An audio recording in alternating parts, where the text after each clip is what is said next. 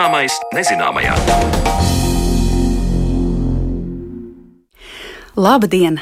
Turpmāko stundu aicinām pavadīt kopā ar raidījumu Zināmais nezināmajā, un ar jums sarunājas Mariona Baltkalne, šī raidījuma producente ir Paula Gulbīnska.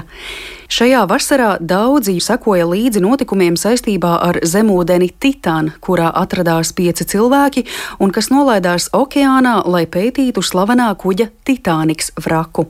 Tagad jau mēs zinām, ka šis stāsts beidzās traģiski. Visi pieci cilvēki gāja bojā, un no okeāna tika izceltas zemūdenes atliekas. Pētīt dziļus ūdeņus, un ne jau tikai ar zemūdenēm vien, tas ir aizraujoši, bet vienlaikus bīstami un tehniski sarežģīti.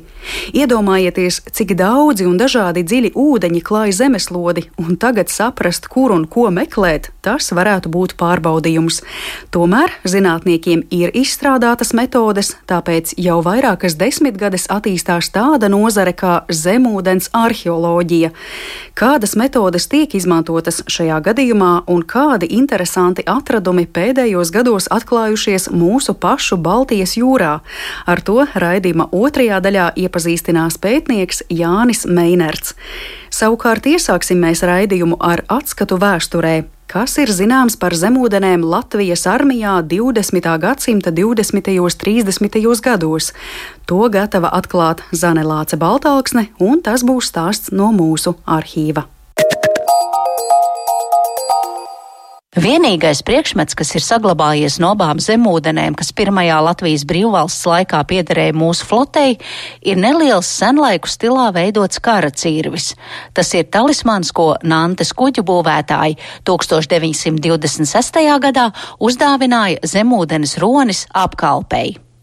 Latvijas flote sāka veidoties 1919. gadā, bet tikai 1926. gadā Latvijas armijas vadība un aizsardzības ministrija vienojās par iespaidīgu finansējumu, kas tika izlietots zemūdeņu iegādējumu būvniecībai.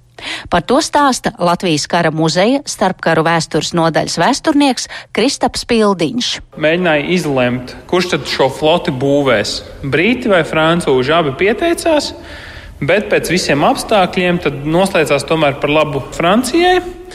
Un, ja mēs runājam tieši par zemūdenēm, tad izvēlējās eh, divas kuģu būvētājus eh, Francijas pilsētās Hārā un Nantē. Un eh, bija piešķirts kopumā flotes veidošanai 10 miljonu latu liels budžets aptuveni. Un eh, zemūdenes izrādījās krietni, krietni dārgākas. Pat vēsturnieks spriež, ka neadekvāti dārgas tam laikam. Nu, nav izprotams, kāpēc izvēlējās teiksim, tieši šādu piedāvājumu. Jo abas zemūdens kopā izmaksāja 6,5 miljonus latu, kamēr turpat Francijā pasūtītie divi eh, mīnu traleri izmaksāja vien pusotru miljonu. Protams, zemūdens arī tam laikam ir ļoti moderns, teiksim, tā flotes kuģis, bet nu, tomēr šī summa ir tiešām neadekvāti dārga. Bet nu, tas neaturēja Latvijas armiju un Latvijas valdību no šo zemūdeņu iegādes, tika noslēgti līgumi. Un 1926. Eh, gadā šīs zemūdens jau tika sagatavotas Latvijas armijas kara flotē tika izveidots zemūdens laivu divizijons. Par tā komandieru iecēla komandu leitnantu Adolfu Bergu. Viņš arī bija pirmais zemūdens ronas komandieris. Par uh, spīdols komandieri iecēla vakts leitnantu Oskaru Rodiņu. Un uh, 1926. gada 1. jūlijā Roni pirmo reizi ielaida ūdenī Loāras upē Nantē brauca arī no Latvijas pārstāvju šo svinīgo brīdi un ar visu karflotes komandieru admirāli Keizerlingu. Tāds pompos tiešām pasākums. 10. augustā 1926. gadā zemūdeņu komandas no Rīgas devās uz Franciju, lai apgūtu šīs zemūdenes, lai uh, saprastu, kas tad viņās tīri ir iekšā un, un, un veica jau kaut kādas pirmās darbības franču instruktoru pavadībā. Abu peldlīdzekļu ātrums virs ūdens bija 25 km/h, zem ūdens 18,5 km/h. Zemūdeņu garums bija 55 metri, bet platums pāri par 4 metriem. To maksimālā iegrime bija no 50 līdz 70 metriem, un maksimālais laiks, ko zemūdens apkalpe varēja pavadīt zem ūdens, bija aptuveni nedēļu, jo tolaik atrodoties dzelmē nebija iespējami radiosakari. Par citiem spīdolus un roņa parametriem turpina Kristaps Pildiņš. Bruņojumā ietilpa seši torpēdu aparāti, divi izvirzīti uz priekšu, četri aizmugurējā galā grozāmi, viens 75 mm zenīta lielgabals un divi ložmetēji. Un konkrētās zemūdens komandas sastādīja tikai 32 vīri. Tieši šīs zemūdens, ja mēs salīdzinām ar mūsdienu zemūdenēm, ir krietni mazākas. Es saprotu, ka tas bija tolaik jaudīgs, arī respektabls un, un, un dārgs mūsu kara flotes eh, papildinājums. Bet ko šīs zemūdens, mēs runājam par starpkaru Latviju, kādas funkcijas tās veids, vai tās bija tikai kā apmācības eh, kuģi, zemūdens kuģi? To? Nu, līdzīgi kā miera laika armijā, tad šīs funkcijas, līdzīgi kā lidmašīnām, kā jebkurai tehniskai vienībai, ir ierobežotas. Nu, ja tev ar nevienu nav jākaro, tad viss, kam tu vari gatavoties, ir kaut kādai militārai darbībai. Protams, tie ir dažādi manevri, tās ir reprezentatīvās funkcijas.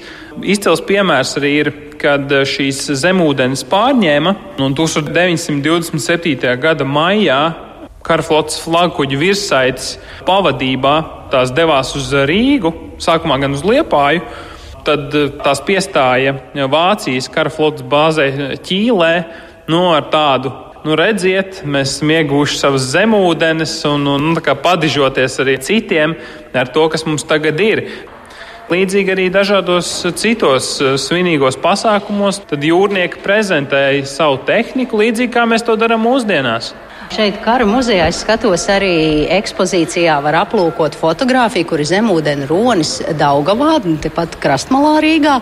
30. gadi uz tur stāv daži no apkalpes virsū, un šeit ir arī makets. Tas ir ronis. Tas ir ronis. Šeit arī var redzēt šos izgriežamos torpēdas mehānismus, kas, ja mēs iztēlojamies mūsdienu zemūdenes, un arī filmās to redzēt, ka tās lūkas ir iebūvētas vien priekšgalā vai pakaļgalā, tā kā apakšējā zemūdens daļā, tad tajā laikā šie torpēdu mehānismi bija vairāk augšpusē, un, un torpēdas principā tika izšautas nevis taisnvirzienā, bet iemestas ūdenī. Abu zemūdeņu gals bija ātrs un bēdīgs. Kā var lasīt interneta vietnē vēsture.eu, tad 1945. gadā 25. jūlija pēcpusdienā uz abām zemūdenēm pēdējo reizi nolaida Latvijas karakuģu karogus un uzvilka PSRS karogus. Divizionu štābu likvidēja, un sākoties karam ar Vāciju 1941. gada 22. jūnijā abas zemūdenes, pamatojoties uz Liepājas flotes bāzes komandiera pavēli, tika nogremdēts Liepājā kara ostas akvatorijā. 1942. gadā zemūdens izcēla un sagrieza lūžņos. Pirms Padomju Savienības eh, iebrukuma Latvijā bija šajos aizsardzības plānos ietilpa, kā izmantot šīs zemūdenes. Nevēlties šis uzskats, ka visi cerēja un gaidīja, ka Kārls Ulmans ar, ar valdības pārstāvjiem varētu ar kādu no šīm zemūdenēm pamest uh, Latviju un turpināt darboties trimdā, bet nu, arī šis plāns netika realizēts. Tā kā šīs zemūdens sevi apliecināja tīri tikai potenciāli, respektīvi nu, parādot savas stiprās puses eh, apmācībās, bet tādā reālā situācijā nemaz netika izmantots.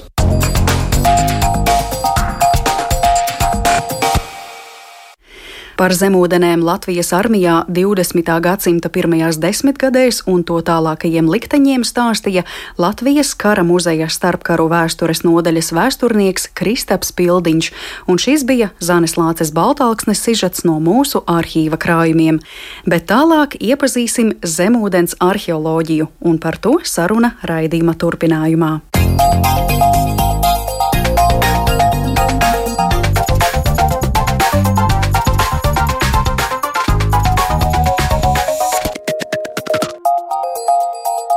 Zināmais nezināmajā.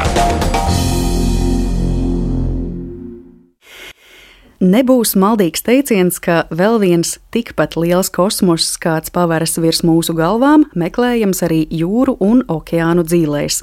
Iespējams, ka šis otrs kosmoss ir vēl iespaidīgāks, jo ne jau visu par to zinām, un tam pietuvoties alla šķitusi uzdrīkstēšanās, kas nes līdzi daudz risku.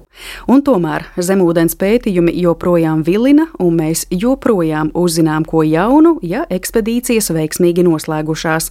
Tāpat ir pretēji viedokļi, ka vajag likt mierā gan dvēseles, kuras gājušas bojā kuģu avārijās, gan to, kas palicis pāri no kuģiem un adušas okeāna dzelmē. Par zemūdens arheoloģiju, ko tā pēta un ko darīt ar okeānos atstāto mantojumu, par to šodien uz sarunu esam aicinājuši Āraišu ezerpils arheoloģiskā parka arheologu un Latvijas kultūras akadēmijas pētnieku Jāni Meinertu. Labdien, Jāni! Labdien! Zemūdens arheoloģija. Šādu vārdu salikumu es pieteicu ievadā un domāju, ka, lai labāk saprastu visus stāstus par atradumiem, par ekspedīcijām, veiksmīgām, neveiksmīgām, mums šis vārdu salikums būtu jāsaprot, ko tad galu galā nozīmē zemūdens arheoloģija, jo ikdienā arheoloģija, nu, vairāk vai mazāk cilvēkiem būtu skaidrs, kādi lauku darbi, pētījumi, atradumi, bet kā tas notiek ūdens? Ūdenī. Tā ideja vienmēr ir bijusi tāda pārnest šīs metodes, kuras mēs labi zinām un kuras mēs esam aprobējuši sauszemes pētījumos, tikai mēģināt viņus tādā pašā precizitātē realizēt zem ūdens. Un tad, protams, tur radās virkni dažādu tehnisku grūtību. Tas notiek zem ūdens, tur var būt slikta redzamība. Mēģinot veikt šos darbus, tas ir fiziski grūti, ir straumes, ir saduļķojums, mēs neko neredzam. Un patiesībā zemūdens arheoloģija lielā mērā ir mēģinājums pārvarēt šīs te tehniskās grūtības. Tāpēc zemūdens arheoloģija, atšķirībā no sauszemes arheoloģijas, kur daudzas metodas nemaz nav tik ļoti mainījušās eh, no tiem laikiem, kad eh, arheoloģija radās kā akadēmiska disciplīna 19. gadsimta beigās, tad zemūdens arheoloģijā šīs te tehnoloģijas ir tas, kas mums ir devuši ārkārtīgi daudz, gan lai veiktu šos lauku pētījumu darbus daudz precīzāk gan arī, lai vienkārši atrastu šo zemūdens objektus, kurus pētīt.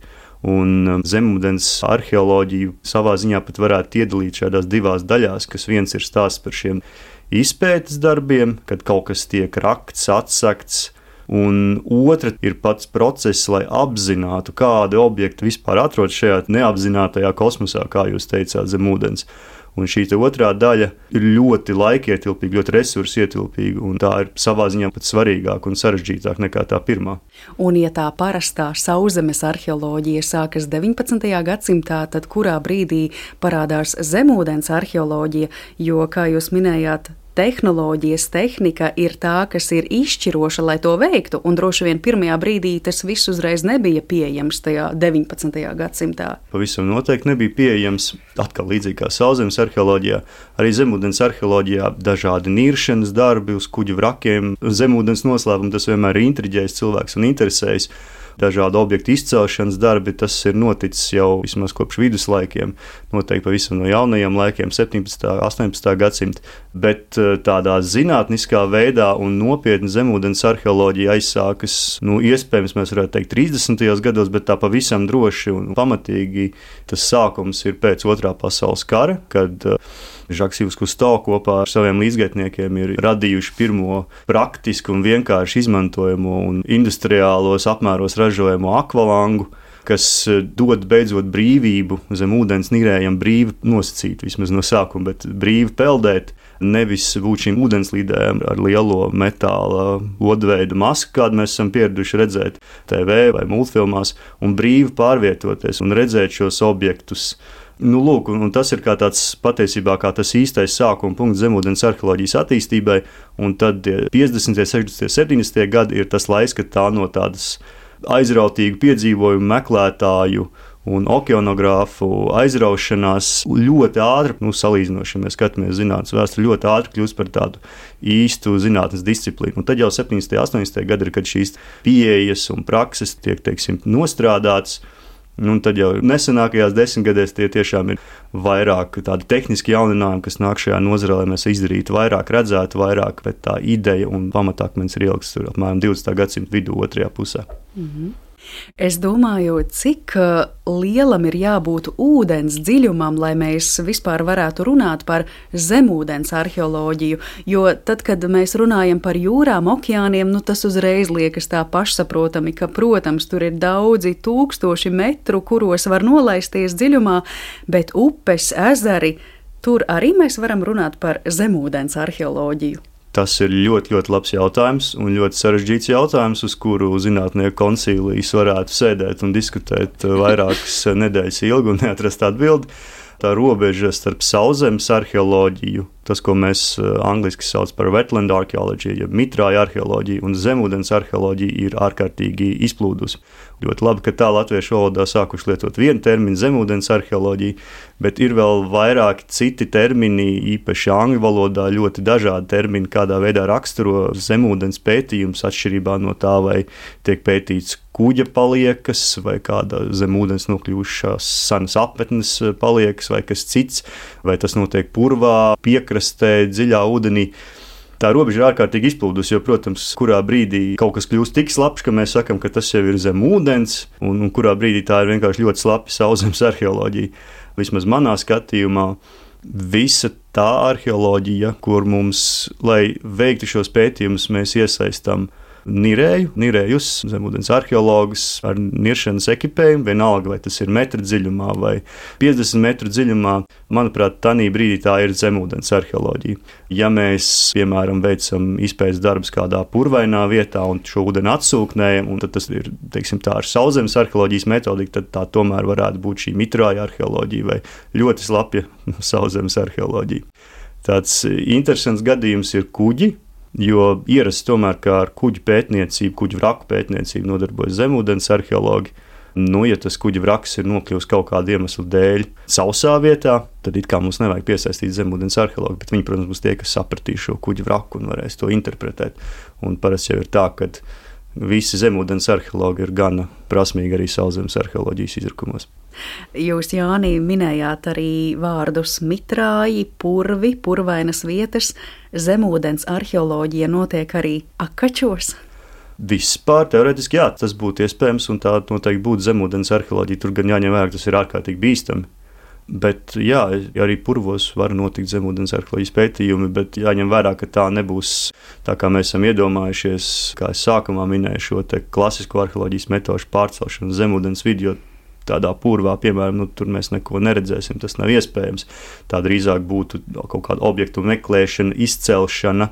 Vairāk tā būtu tāda taustīšanās. Nu, ļoti līdzīgi patiesībā, kā tas notiek mūsu platumgrādos, ezeros un upēs, jau šī redzamība arī tur nav īpaši labāka. Ja mēs tagad acu priekšā iztēlojamies pasaules karti, ārprāts, kas tik tur nav, lieli okeāni, jūras, ezeri, upes, vēl katrā valstī atsevišķi, Kā mēs vispār varētu novērtēt, un vai mēs varam novērtēt, cik daudz šie pasaules okeāni, jūras ir apzināti zemūdens arheoloģijas ziņā? Līdzīgi kā ar kosmosa apzināšanu, tas procents ir ļoti, ļoti neliels patiesībā. Ja mēs iedomājamies to klasisko pasaules kartu, kā jūs teicāt, kas stāv skolā geogrāfiskā kabinetā pie sienas, tad tie visi lielie zilie laukumi, kas ir lielie pasaules okeāni, plašumi ar milzīgiem dziļumiem, viņi ir gandrīz neapzināti, nu, ja mēs domājam par tādu zemūdens arheoloģijas perspektīvas.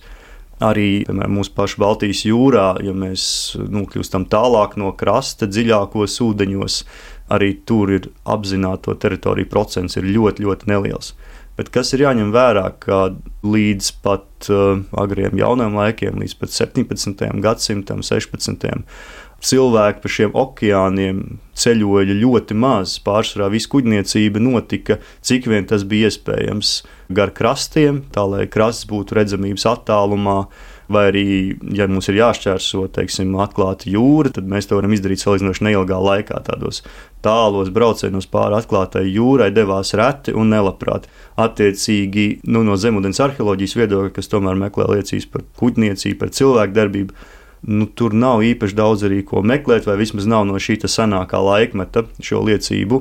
Un, protams, ka pat ja ir kāds 17. gadsimta, 18. gadsimta kuģis, kas kaut kur ir pazudis eh, okeāna vidū, iespējas viņu atrast ir, nu, tas pat nav meklēt tādu sienu kaudzē, tas ir, tas ir kā meklēt tādu veselā sienu pļāvā, ja, tas ir absolūti gandrīz neiespējami. Tāpēc vislabāk apzināts ir tās zonas, kas ir tuvāk krastiem, Un, protams, arī ņemot vērā, ka zemūdens arheoloģija ir attīstījusies tikai 20. gadsimta otrajā pusē. Daudzās valstīs nemaz nav radusies tā tāda akadēmiska skola. Tagad tas ir ļoti aktuāli. Piemēram, Dienvidu-Austrumāzijā, šajās attīstības valstīs, kur beidzot rodas resursi, izglītot cilvēki, kas ir gatavi ar to nodarboties. Tāpēc tur tas sākās tikai tagad. Bet interesanti, jūs pieminat šo adatu siena kaudzē, vai mūsdienu tehnoloģijas kaut kā palīdz noskenēt okeānus, jūras un tādā veidā iegūt aizdomas, ka tur kaut kur mēs kaut ko varētu meklēt. Ūdens kaut kādi rādītāji vai kaut kas, kas liecinātu, šī varētu būt tā vieta, kas ir atšķirīga no pārējā okeāna. Pavisam noteikti. Tas ir arī tas ceļš, algoritms, kādā veidā pētnieki meklē senu kuģu vrakus. Tās ir dažādas jūras gultnes skenēšanas metodes. Pastāv vairāk šīs tehniskās metodes. Tas ir gan sānskatu sonārs, jeb angļuiski to sauc par sidescan sonāru. Ir citas metodes, kā daudzstaru eholoti, kas ir parasti rīks, ko izmanto okeanogrāfija, tad, kad viņi pēta vienkārši šo zemūdens reljefu. Un tad, ja mēs redzam, ka uz šī reljefa iezīmēs kaut kāda anomālija, kas šķiet nav dabiska, tad mēs varam veikt kaut kādus papildus izpētes darbus, lai noskaidrotu, varbūt tas ir kuģa vraks. Tāpat ir arī vairākas metodes, kas mēģina ieskatīties tajā, kas slēpjas zem grunts, jo bieži vien, kad kādi objekti nogrimst zelmē, viņi vai nu šajā grimšanas procesā ierokās gruntī, vai laika gaitā iesēžās, vai straumes uznes virsū smiltis, vai kāds cits nogulums, un gultni izskatās līdzeni, bet patiesībā šis objekts ir tur zem smiltīm. Un tad ir vairākas metodes, patiesībā divas ir šīs zem gultnes profilētājs, kas ir tāda um, akustiskās izpētes ierīce, kas emitē ļoti zemes frekvences skaņu un tad viņi spēja iespiesties arī gruntī un atstaroties atpakaļ. Tiesa tas mums sniegs tikai aptuveni priekšstatu, ka tur kaut kas ir. Tas mums ļoti retos gadījumos ar ļoti precīzām un teiksim, pat filigrānām izpētes metodēm sniegs mums kaut kādu priekšstatu par to, kas tas ir. Protams, arī magnetometri. Ja mēs meklējam kādu objektu, kurā ir daudz eh, metālu, metāla detaļu vai metāla kuģa raksta, tas arī mums varētu palīdzēt un uzrādīt šo anomāliju. Patiesībā tās visas ir metodes, kas nav izgudrotas priekš zemūdens arheoloģijas. Tās visas ir metodes, kas ir nāk tiešām no okeanogrāfijas vai no geoloģijas, un tad arheologi ir izdomājuši, kā tās labāk izmantot savu mērķu sasniegšanai. Jūs minējāt sānu skatars sonārs. Kā tas īsti izpaužas? Tā ir vēl viena akustiskās izpētes metode. Šajā gadījumā tās frekvences, kas tiek izmantotas, ir daudz augstākas, un tad pie kuģa paša zemūdens daļas vai arī tauvā vilktā speciālā izpētes teiksim, iekārtā, kas aptuveni varētu atgādināt, lai klausītāji var iedomāties tādu lielu torpēdu, piemēram, kas tiek vilkta aiz kuģa. Atrodas antena, kas emitē šos skaņu viļņus, un tad tie nokļūst cauri ūdenim līdz zemūdens reljefam un visam, kas nu tur virsū atrodas, akmeņi, puķa vraki, citi objekti, atstarojās. Un tad šī informācija tiek eh, apstrādāta uzreiz uz pētniecības kuģa. Tieši saistē uzreiz agrāk tās bija tādas garas, izdrukātas diagrammas. Tagad tas, protams, viss ir digitāli uz datora ekrāna, un uzreiz, teiksim, pētnieku uz kuģa redz, kāds tad ir šis reliefs. Mēs varētu teikt, tā ir tāda ēna, kas mums parādās. Ja tur ir kāda objekta, mēs redzam viņu ēnu un aptuveni viņu veidolu mazliet varētu salīdzināt, tas attēls izskatās kaut kas starp ļoti sliktu fotografiju un rengēnu, nu, aptuveni kaut kā tā. Un uh, vēl viena svarīga lieta, kad zem tieši kuģa ķīļa vai zem šīs pētniecības iekārtas veidojas tāda melnā zona, mēs redzam uz sāniem, jo šie stari dodas uz sāniem un atsturas, un tieši apakšā mums būs tāda melna, tukša josla. Tāpēc šo metodi pētot, nevar apzināt pārāk lielu teritoriju. Tās ir tādas šauras strīpas tikai tur, kur tas kuģis brauc. Tie varētu būt um, atkarībā protams, no dziļuma un šīs te, tehnikas iestatījumiem. Tie ir aptuveni nu, 40, 50 nu, līdz 80 metriem abos virzienos. Un tad, ja mēs vēlamies tādu detāli apzināti kādu teritoriju, tad mums jāveido daudz šādu paralēli kuģa braucienu, lai šos datus varētu pārklāt un iegūt pilnīgu ainu, kas tur atrodas. Bet bieži vien gan sānskata sonārs, gan citas izpētes iekārtas, tas var mums nedot pilnīgi priekšstatu par to, kas tur ir pamanīts. Dažreiz tie attēli ir ļoti labi un skaisti un uzskatāmi, bet bieži vien ir, ir jādodas vai nirējiem dzelmē, jo tā vienkārši nirt un skatīties, ko mēs tur ieraudzīsim. Tā tas nenotiek. Vienmēr īpaši jūrās ir tā, ka ir jāatrod vispirms šis objekts, un tikai tad nirējs turien dodas. Īpaši, jo dziļāks ūdens, jo nirēja darbs sarežģītāks, vajag augstāk profesionāls nirējs. Tas ir arī saistīts ar dažādām tehniskām grūtībām un izmaksām. Jāņem vērā dekompresija, gan lēžoties lejā, gan īpaši ceļoties ārā. Jo dziļāk, jo mazāk laika nirējs tur var pavadīt, tas ir sarežģītāk. Attiecīgi, nu, nirēji parasti nedarbojas nu, ja pie 80, 90 metriem. Tie jau ir ļoti, ļoti augsti profesionāli nirēji, ļoti skaitliski maz nirēji, nirs tik dziļi. Tas ir ārkārtīgi sarežģīti, un, ja ir jāpēta kaut kas dziļāk, tad patiesībā tie ir tikai vai nu kādi īpaši aprīkoti pētniecības batiskafi, vai zemūdens mazās, vai arī tie ir droni zemūdens, kas tiek izmantoti. Bet eh, cilvēki dziļāk nevar darboties, un tad nu, varam iedomāties, ka daudz vieglāk ir izmantot šādu zemūdens dronu nekā veselu nirēju komandu, jo dronu tu vari ielikt, izcelt, tas notiek ātri, ja nirējiem jānirst, tad tas jau ir diezgan liels laiks. Pēdējos gados ļoti daudz izmanto zemūdens dronus. Un uh, mēs varam iedomāties pasaules okeānu, šie milzīgie dziļumi, 3-4 tūkstoši metru, daudz kur pat vairāk. Nu, tas ir tikai kaut kas, kas ir sasniedzams zemūdens droniem, ne cilvēkiem. Mm. Pat ja mums tās pētniecības metodes ir, tad tā adata siena kaudzē tāpat saglabājas, jo tagad izdomāt, kur ar šo dronu vai kādu citu pētniecības metodi iedarboties, nu, tas arī ir visai sarežģīti. Neņemsi un neskanēsi jau tagad Atlantijas okeānu no viena pola līdz otram polam. Bet tomēr, Jāni, Izmantojot šīs pētniecības metodes, ko tad, piemēram, pēdējos gados ir izdevies uzzināt par kādiem interesantiem objektiem pasaules okeānos vai arī mūsu pašu Baltijas jūrā, cik tur to noslēpumu ir daudz? Patiesībā viens tāds ļoti interesants stāsts, kas tieši ir saistīts ar šo adatas meklēšanu sienu kaudzē, ir uh, britu polārpētnieka Ernesta Šekltona slavenā pētījuma kuģa Endurance meklējumi. 1912. gadā šis kuģis ir uzbūvēts, un tas gāja bojā, ja nemaldos, 1915. gadā. To saspieda ledāji pie Antarktīdas krastiem. Tas bija polāra pētnieku kuģis, slavena ekspedīcija, slavens kuģis. Tur gan nebija neviena bojā gājušā. Tas tādā ilgākā procesa laikā notika, visi pētnieki izdzīvoja šāda slavena kuģa meklēšana, tas parasti nekad nenotiek ātri. Tās ir pat vairākas desmit gadus, kamēr šāds kuģis tiek atklāts. Un Endurance gadījumā šī meklēšanas darba jau bija pat sākušies, ja nemaldos, pat 70. gados. Un zinātnieki, kas bija šajā komandā, ļoti precīzi ar savu laiku instrumentiem un metodēm bija fiksējuši šī kuģa nogrimšanas vietu. Bet uh, pirmkārt jāņem vērā, ka nu, viņu iespējas, teiksim, tā noteikti precīzi GPS koordinācijas, ja viņiem tādas viņiem nebija. Viņi aizvien vadījās pēc zvaigznēm un kaut kādiem šiem dabiskajiem atskaites punktiem. Un otrkārt, ir šis ledus saspiestais. Viņš tomēr kaut kādos brīžos ir, ir mazliet dreifējis, kas arī kaut kā no šiem dažādajiem atrašanās vietas uzņemšanas brīžiem varētu būt mainījis kaut kādas vietas. Nu, lūk, un tas, ko šie pētnieki komanda, kurai beidzot pagājušā gada marta sākumā izdevās atrast šī kuģa vraku, tur patiesībā bija divas lietas. Viens bija šie vēsturiskie dati, mēģināt saprast, nu, kur tā vieta īstenībā atrodas. Jo bija skaidrs, ka tas noteikti nav tur, kur tās koordinācijas rāda. Un tā tas ir ļoti bieži ar kuģu vrakiem, kur pat mēs zinām nogrimšanas koordinātas, bet uh, īstenībā viņi atrodas vairākus kilometrus no tās vietas, kur ir fiksēta šī nogrimšanas vieta, tikai tāpēc, ka šī fiksēšanas metode nav bijusi tik laba. Un tad viņi izmanto arī šīs tālspējas metodes. Man šķiet, ka uh, gan šo daudzstaru eholoti, ar kuru var apzināt ātrāk, lielāku teritoriju, bet tā neiedos tik precīzi datus. Un, kad mēs jau saprotam, ka tur kaut kas ir, tad mēs izmantojam piemēram šo sānskatu sonāru, atrodam vraku, un tad sūtām zemūdens dronu, kas arī bija tas, ko viņi darīja. Jo arī tur ir aptuveni 3000 metru dziļums, Antarktīda. Tātad nu, šis ledāji, protams, tagad kūst, attiecīgi vispār radusies iespēja meklēt šādu kuģu vrakus. Un šajā gadījumā tika izmantots zemūdens drons, lai gan filmētu šo vraku, gan arī veiktu tā 3D skenēšanu.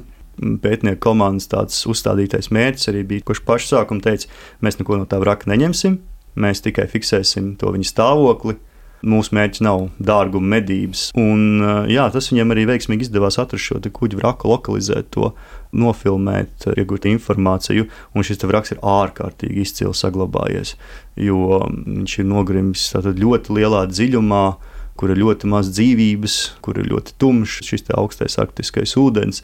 Viņš ir tā kā tāda laika kapsula. Absolūti. Jā. Mm kā ar mūsu pašu Baltijas jūru. Nu, piemēram, pēdējos gados mēs daudz dzirdam par igauņu centieniem beidzot noskaidrot patiesību attiecībā uz prāmi Estonija, bet varbūt tas nav vienīgais noslēpums mūsu pašu jūrā. Jāsaka, prāms Estonijā laikam vēl nav nokļuvis zemūdens arheologa redzeslokā. Šis raksts tiktu uzskatīts par pārāk jaunu. Un tur tas droši vien ir stāsts vairāk par um, šo visu neskaidro stāstu ap Estoniju nogrimšanu. Bet, ja runājam par Igauniem, tad uh, Igaunijā ir ļoti interesanti atradumi. Varbūt arī daļa klausītāji, kam ir bijusi iespēja būt Tallinā, redzējuši šo ļoti interesantu un iespaidīgo jauno Igaunijas jūras muzeja ekspozīciju Rasnās Margaretas tornī, kur ir izstādīts šis viduslaiku kogas vraks. Pagājušo gadu Igauniem ir ļoti paveicies. Viņi ir atraduši vēl vienu viduslaiku kuģa vraku, vēl daudz lielāku nekā šo, kas ir apskatāms jūras muzejā. Jā, nu, šis vraks ir nosaukts par Lociju vraku, pēc tās ielas, kurā tas ir atrasts. Tallinā ir tāda īpatnēja situācija, ka zemes reljefa celšanās ļoti lēns teritorija, kur viduslaikos atradās ostas zona, mūsdienās ir sauszeme. Tur kļuva ļoti sekls dēļ šī klintāja celšanās. Nu, tur tika izgāzta pilsētas atkritumi, un tagad tur tiek veidota apbūve. Un veicot šos būvdarbus, tika atrasts ļoti liela 14. gadsimta vidus kuģa vraks, kravas kuģa vraks, burinieka 25 metrus garš, 9 metrus plats, saglabājis līdz pat 4 metru augstumam no ķīļa. Bija iespēja arī šo vraku redzēt, uh, nu, ārkārtīgi, ārkārtīgi iespaidīgi pagājušā gada nogalē. Un uh, ļoti, ļoti interesants vraks no zinātniskā viedokļa, jo tur ir vērojama tāda tā kā no vienas puses pārēja no šī senākā viduslaika Hansa tirzniecības kuģa kogas uz to vēlāko holka kuģa tipu. Tajā pašā laikā tur ir ļoti daudz dažādu interesantu kuģu būves tradīciju no Skandināvijas. Nu, ļoti, ļoti interesants, izcili saglabājies kuģa vraks. Mēs tur bijām tādā pētnieku grupā, kur bija pētnieki no daudzām Baltijas jūras valstīm. Nu, mēs visi varējām tikai saķert galvas, priecāties par Igauniem un šo lielisko atradumu. Tas ir viens no trīs lielākajiem šīm laikmeta kuģa atradumiem, kuģa vraka atradumiem vispār Eiropā. Un, un jāsaka, tas ir saglabājies arī ļoti lielā apjomā, ar ļoti daudz nelielām detaļām, ļoti daudz interesantu artefaktu, kas ir šajā kuģī iekšā. Jo tad, kad kuģi nogrimst jūrā, lai gan Baltijas jūrā viņi saglabājas ļoti labi, bieži vien ir tā, ka nu, tur būs varbūt salīdzinoši maz artefaktu. Bieži vien no kuģiem saglabājas tikai to apakšējā daļa, pati apakšējā daļa, tilpnes daļa pie tuvāk pie ķīļa, bet tas, kas ir augstāk, iet bojā. Nu, ir, protams, tie izcēlē gadījumi, kad ir, ir saglabājies kuģis gan arī vesels kā ar vāsu. Bet šajā gadījumā tur ir tiešām ļoti daudz atradumu. Tur ir tādas arī daudz organikas, teiksim, ādas priekšmeti, koka priekšmeti. Pat tāda kuriozitāte, kā kuģim grimstot, ir apgāzušās piķa mucas, kas tur ir bijušas tilpnē, un kuģa žurkas ir tikušas mumificētas šajā izlījušajā piķī un ir atraduši vairākas šīs žurkas pilnībā saglabājušās ar spalvām un visiem mīkstiem audiem. Un, attiecīgi, tur var veikt uh, dažni dažādas pētījumus, nu, no kurienes tā žurkas ir nākušas, no kurienes tas kuģis ir, ir atceļojis. Jo šeit, kad tas ir būvēts iespējams Skandināvijā, un katrā ziņā ir vedis būvmateriālu kravu tajā brīdī, kad viņš ir bijis pietāvos Tallinas ostā. Ļoti daudz vēl jautājumu. Igauni pašlaik ir uzbūvējuši tādu nelielu pagaidu būvu ap šo vraku. Viņš ir novietots blakus hidroplānu ostai, šim lielajam jūras muzejam. Un tagad tiks uzsākts tāds ļoti, ļoti lēns konservācijas process, kas vienmēr ir jāveic ar šādiem koku kuģu vrakiem, jo tie izcelti no mitruma ļoti ātri izžūst, sāk bojāties, sāk šķelties šis koks, un tie ātri aizies bojā, ja neviens ar to neko nedarīs. Un šis kuģu vraks ir ārkārtīgi liels. Un tāpēc, lai viņi izceltu no šīs sarežģītā būvlauka, viņi nācās atlīt četrās daļās. Viņš faktiski ir sazāģēts četros gabalos. Nu, tad redzēsim, ko Igauni izdomās. Kā viņu eksponēt, skrūvēt kopā, atsevišķi varbūt varēsim iet cauri šim kuģim. Bet nu, katrā ziņā viņi ir uzņēmušies to kuģi konservēt un eksponēt, kas ir ļoti arī darbietilpīgs un laikietilpīgs process. Nu, un, ja mēs runājam par to trīnieku, tad uh, līdztekus šim igauņu atrastajam kuģim, tajā interesantāko kuģu trīniekā ieskaitītos arī slavenais uh, zviedru vāsa kuģis, ja? un vēl kaut kas. Nu, Vāskuģis jau ir atrasts gan sen, mums labi zināms un skaists, un aicinu arī visus aizbraukt uz Stokholmu un apskatīt, ja rodas iespēja. Bet ļoti interesanti, ka pagājušā gada tika atrasts arī Vāsas māsas kuģis aplet, jeb ābols, ar to saprotot varas ābols. Jo tad, kad tika būvēta vāsa, tika paralēli uzsākt būvniecības darbu arī pie otra, tikpat liela, identiska kuģa, tiem abiem vajadzēja būt vienādiem. Bet tad, kad vāsa gāja bojā, apgāžoties slavens savā pirmajā braucienā, braucot ārā no ostas, skatītāju pūļu priekšā, kas, protams, bija liels negods un milzīga arī finansiāla katastrofa. Tad, protams, tika veikta arī izmeklēšana, un arī kuģa būvētājs. Viņš jau bija pirms tam sapratis, ka tur kaut kas nebūs ar to vāsu kārtībā. Tas bija vairāk tāds karaļa uzstādījums, ka man vajag tā. Lai gan tas kuģa meistars bija teicis, ka nu, tā nebūs laba ideja kuģi būvēt tieši tādā veidā. Tāpēc, būvējot un pabeidzot šo apletu būvniecību, viņš tika izbūvēts platāks, un ar vairākām izmaiņām korpusu konstrukcijā.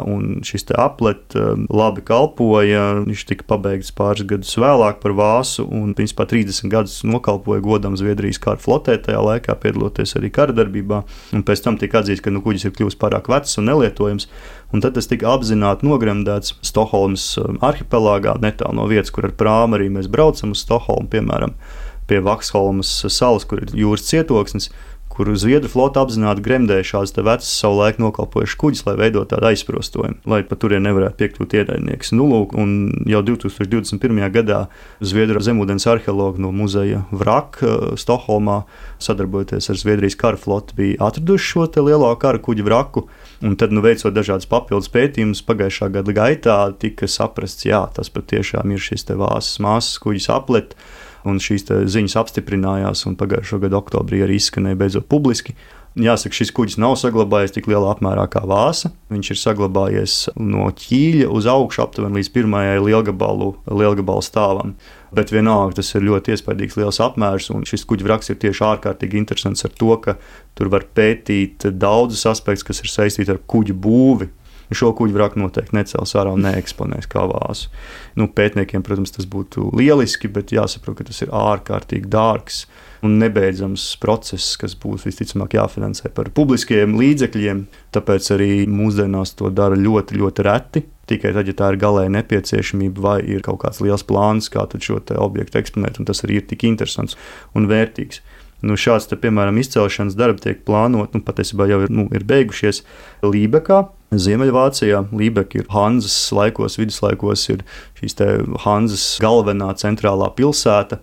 Un tur pirms pāris gadiem tika uziets Trāvis upes um, deltā 17. gadsimta beigu kravas kuģis, kurš ir ciets ugunsgrēkā un nogrims pielādēts pilns ar dedzināto kaļķu mucām, kas tiek izmantot kaļķu javas veidošanā, un tātad, principā, celtniecības materiāliem.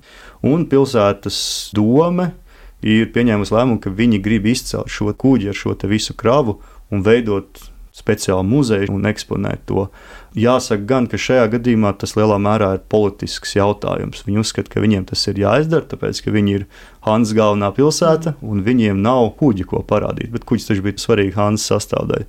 Lībekā atrodas absolūti lieliskais Hanzas muzejs, Eiropas Hanzas muzejs, bet pilsētas valde grib konkurēt ar šo muzeju. Un tas ir tiešām tikai tāds politisks konkurences uzstādījums, ka mums vajag mūsu pilsētas muzeju par šo tēmu. Tas, ka kādai biedrībai cienījamai ir ļoti lielisks un atzīts muzejs tas mūs neapmierina, mēs gribam arī savējo. Un tad tas ir tāds politisks uzstādījums, kam daudz zemūdens arheologi arī Vācijā saka, nē, tā ir muļķība. Jums nevajag celt ārā šīs vraka detaļas, vai jūs tiešām zināt, ko jūs ar to darīsiet. Un pašlaik tā situācija ir diezgan paradoxāla, jo šis vraks, kurš arī saglabājies no koku konstrukcijām, ļoti maz tikai ķīlis un pašs korpusa apakšdaļa, bet ir šī krava ar 150, 170 kaļķu mucām un citiem priekšmetiem, kas tagad ir izcelta un ir veikti kaut kādi paši, paši sākotnējie konservācijas policijas darbi, bet uh, pilsētas valde tagad saka, ka nu, mēs īstenībā vēl neesam gluži izdomājuši, kā mēs to visu vēlamies eksponēt. Un, ja mēs domājam par arheoloģiskajām paliekām, tad šādi noteikti nevajadzētu rīkoties. Ja tu kaut ko izcēl ārā, tev ir jāzina, ko tu darīsi 5, 10, 50 gadus pēc tam ar šiem objektiem. Ja tev nav skaidra plāna un līdzekļi, kā ar šiem objektiem apieties, tad viņas nekad nevajadzētu celt ārā. Nu, es ceru, ka ar šo vraku viss beigsies labi, un politiskā vara Lībijas pilsētā atradīs arī līdzekļus un vēlmu, un pēc nākamajām vēlēšanām šī ideja netiks atmesta. Daudz tātad dārgumu ir Baltijas jūrā, un ja reiz par šo dārgumu saglabāšanu, tad gribēju arī precizēt, kas ir tie unikālie apstākļi, kas tam visam jūrā, okeāna dzelmē ļauj saglabāties, un kuru dēļ varbūt reizēm arī nevajadzētu celt tās lietas ārā. Primāri tas ir bezskābekļa apstākļi, gaisma citāda. Ļoti precīzi, tas svarīgākais ir šie bezskābekļa apstākļi. Tas ļauj saglabāties kokam un citiem organiskiem, tātad ādas, kauli, citiem priekšmetiem. Bet katra konkrētā ūdens tilpne ir ar savām īpatnībām. Un šīs īpatnības noteiks to, ka kādi citi materiāli, piemēram, koks, varbūt saglabāsies ļoti labi, bet visa āda un kaula iznīks. Vai arī varbūt otrādi, ka kādi citi priekšmeti saglabāsies labi un atkal koks iznīks. Baltijas jūra tādā ziņā ļoti laba jūra priekšā zemūdens arheoloģijas, jo ūdens ir salīdzinoši vēss, pat ļoti vēss. Ir ļoti zems sāls daudzums Baltijas jūras ūdenī, un ir arī tumšs. Mēs bieži dzirdam, ka Baltijas jūrā dēļ vidas apstākļiem ir sākuši veidoties plašas šādas bezskābekļa zonas dzelzmē, kas ir ļoti slikti teiksim, priekš jūras dzīvības un bioloģiskās daudzveidības, priekš zemūdens arheoloģijas ļoti labi. jo tur nedzīvo nekas, kas šos koku kuģu vrakus spētu saēst. Ja? Tie ir gan dažādi lielāki organismi, kas dzīvo uz koku kuģu vrakiem, un dažādi moluski, kas tomēr ļoti lēni, bet šis materiāls tiek sāsts un degradēts. Arī dažādas mikroskopiskas dzīvības formas, protams, arī pats ūdens un šis dabiskais ķīmiskais koksnes sabrukšanas process, ja ir augsts un tumšs, šīs ķīmiskās reakcijas ir lēnākas ja, nekā tad, ja ir silts, gaišs un e, it īpaši arī sāļums, jo metāla detaļas koku kuģu vrakos tās oksidējas, vienkārši sakot, tas viss rūsē un tas tiek sēsts, tāpēc e, metāla kuģu vraki, piemēram, sāļākos ūdeņos, siltos, vienkārši šis process ir daudz straujāks, arī otrā pasaules kara kuģu vraki, un pat 90. gadu sākumā nogrimuši, teiksim, kraus kuģu vraks, viņš tagad jau var būt tikai tāda metālūža čupiņa, kamēr, piemēram, Baltijas jūrā, īpaši tie vraki, kas nogrimuši kaut kur dziļumā, ir ļoti labi saglabājušies.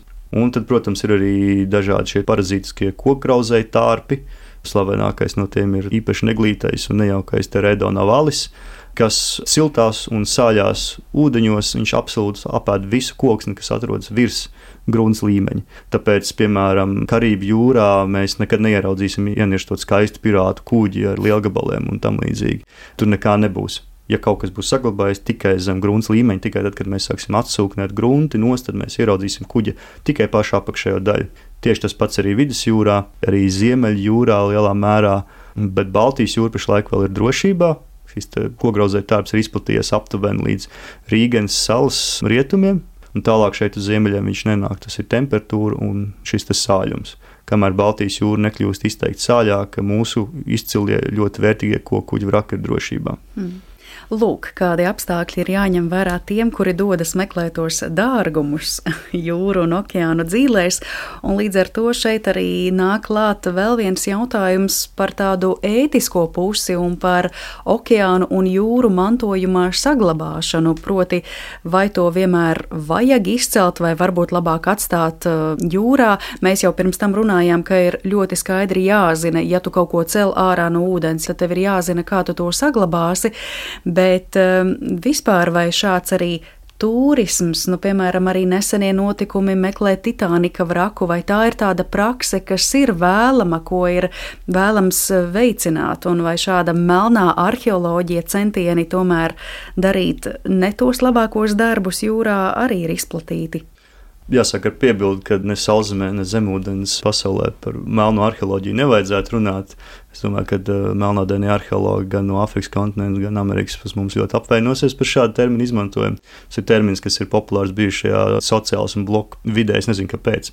Bet uh, es domāju, šos cilvēkus vajadzētu saukt par vai nu par dārgumu meklētājiem, vai par sauszemēs mēs viņus saucam par mantračiem nu, zem ūdens tie būtu dārguma meklētāji, kur šī primārā interese ir izcelt kādu objektu, iegūt slavu, iegūt uh, naudu, bet nevis veicināt mūsu zināšanas par mūsu kopējo pagātni.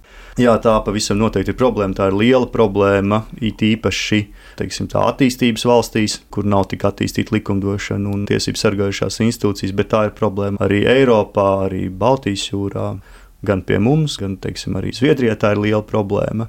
Neviens no tā līdz galam nav pasargāts, tāpēc ir dažādi mehānismi, kādā veidā mēģina to ierobežot gan ar starptautisku sadarbību, gan ar likumdošanas normām, gan ar uzraudzību, īpaši vērtīgu vraku uzraudzību, gan arī ar to, ka kāda informācija pētnieki vienkārši neizpauž. Tāpēc, kad viņi zina, ja viņi izpaudīs šī kuģa vraka atrašanās vietu, nu, tad, teiksim, tā, tur gan arī visu laiku būtu jāstāv noankurotam patruļkuģim flotes. Bet lielākā daļa no kuģa vrakiem pavisam noteikti ir tādi, kur ir apskatāmi, teiksim, zemūdens turisti nirēji tos neapdraudēs un zemūdens mantojums, tāpat kā viss cits kultūras mantojums, tas pieder mums visiem. Tāpēc tā skatīšana un baudīšana noteikti nav nekas slikts, un tas ir pat kaut kas tāds, kas būtu dažādā veidā jāveicina. Kas bieži vien tiek arī darīts speciāli šos objektus marķējot, veidojot uh, infrastruktūru, kas ir gan noankurošanās bojas, lai, teiksim, turistiem braucot uz šīm vietām, kur viņi paši var nirt, netikt bojātas ar ankuriem, šie vēsturiskie vraki gan arī dzan, um, veidojot uh, aprakstus, kur tu nirsti. Tev ir jau teiksim, tā daļa izveidots ceļš, pa kuru nirt ap šo vraku, tieši tāpēc, lai to nebojātu. Paskaidrojuši apraksti, kas ir zem ūdens, noenkurot pie šīm virvēm un ķēdēm. Pavisam noteikti zemūdens pasauli, ja ir tā iespēja pašam doties nirt, vajag skatīt. Galvenais ir ievērot tāds ētikas princips, protams, ir neko no turienes necelt ārā tam objektam ir labi tur, kur viņš atrodas. Ja pētnieki izlemj viņu celt ārā tieši tā, tad ir jābūt zināmam, ko tu ar to darīsi. Bet uh, vienkārši kaut ko izcelt, lai noliktu sev uz kamīna vai sekcijā, vai atdotu ar lielu pompu vietējiem muzejam, nu, tas noteikti nav tas, kas būtu jādara. Tas ir patiesībā kaut kas arī visbiežāk arī krimināli sodāms. Jāni, kad būs uh, jūsu nākamais ekspedīcijas brauciens kaut kur ūdeņos, vai esat plānojis? Mana interese laikam vairāk ir saistīta šajā brīdī zinātniskā interese ar iekšzemes ūdeņiem. Arī darbojoties ārēšos, kas ir viena no šīm desmit Latvijas ezeros apzinātajām ezera mītnēm, kas ir vidējā vēlā dzelzceļa laikmetā, tas ir apmēram 8. līdz 11. gadsimts, senie latgaļi, vidzemes augstiene jā, pavisam noteikti būtu ļoti, ļoti interesanti turpināt šos Jāņa apalu iesāktos pētījumus, ko viņš iesāka jau 50. gadu beigās pagājušā gadsimta, un vēlreiz apsekot visu šīs ezeru mītnes, izmantojot iespējams arī kādas mūsdienu tehnoloģijas sniegtās iespējas. Tagad ir jāņem vērā, ka tās visas sedz ļoti biezas dūņu slānis, tāpēc kaut ko labi tur ieraudzīt arī ar tehnoloģiskajām iespējām ir gandrīz neiespējami. Un, protams, es ticu, ka arī mūsu iekšējos ūdeņos ir vēl daudz citas lietas, ko atrast un, un ko pārbaudīt un meklēt. Jo zemūdens arheoloģija Latvijā ir, teiksim, tā, vēl joprojām ilgstoši palikusi bērnu autiņos. Tāpēc es ļoti ceru, ka būs jauni pētnieki, kas paši būs eh, reizē arī nirstoši zemūdens arheologi. Tāpēc es ceru, ka um, tuvākajās desmitgadēs mēs piedzīvosim daudz interesantus atradumus. Un vēl var minēt, ka pirms dažām nedēļām notika Latvijas zemūdens arheoloģija arī nebija notikums, kad uh, liels kuģa vraks, kas tika atrasts 2021. gada septembrī, tepat pie Rīgas Dārgājas pludmalē, tolaik viņš tika atrasts, tika saprasts, ka viņš ir ļoti liels un neko iesākt nevar, bet tur uz vietas viņš ilgstoši nevar palikt, jo ir ļoti strauja krasta erozija un viņš tiks sadragāts un bojāts. Un tad eh, pirms pāris nedēļām manā un, un arheologa Mārča Kalniņa vadībā, uzraugot šos darbus, šis fraks tika atrakts, pie tā tika piestrādāti pontoni. Un tad tas pa ūdeni tika aizvilkts un nogremdēts eh, drošā vietā eh, Vecdaugalvā, Vecdaugavas akvatorijā, kur tas tagad būs zem ūdens un dabiski konservēts jo Latvijā nebija neviena muzeja, kas mums nav, diemžēl, jūras muzeja, kas ir ļoti liela problēma un, un savā ziņā pat kauns, ka mēs esam vienīgā Baltijas jūras valsts, kurai nav sava jūras muzeja, kas arī lielā mērā traucē kādas aktīvākas pētniecības attīstīšanos, kas nu, mums nebija muzeja, kas būtu gatavs uzņemties eksponēt šo atradumu. Tas gan ir 19. gadsimta vidus visticamāk, ko, ko kuģi vraks, tāpēc varbūt ne tas vērtīgākais un interesantākais, bet nu, jā, šis notikums bija arī kaut kas nebijis un kaut kas jauns Latvijas zemūdens arheoloģijā un katrā ziņā pieredze mums Latvijas arheologiem arī šādos darbos.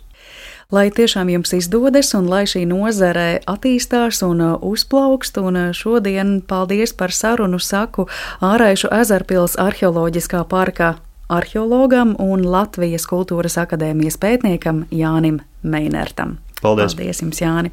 Un ar to arī mūsu šīs dienas raidījums izskan. Par to gādāja Paula Gulbinska, Girts Bišs, Nora Mitspapa un ar jums sarunājās Mariona Baltkalne. Visu to labāko jums vēlot, mēs atvadāmies un uz sadzirdēšanos!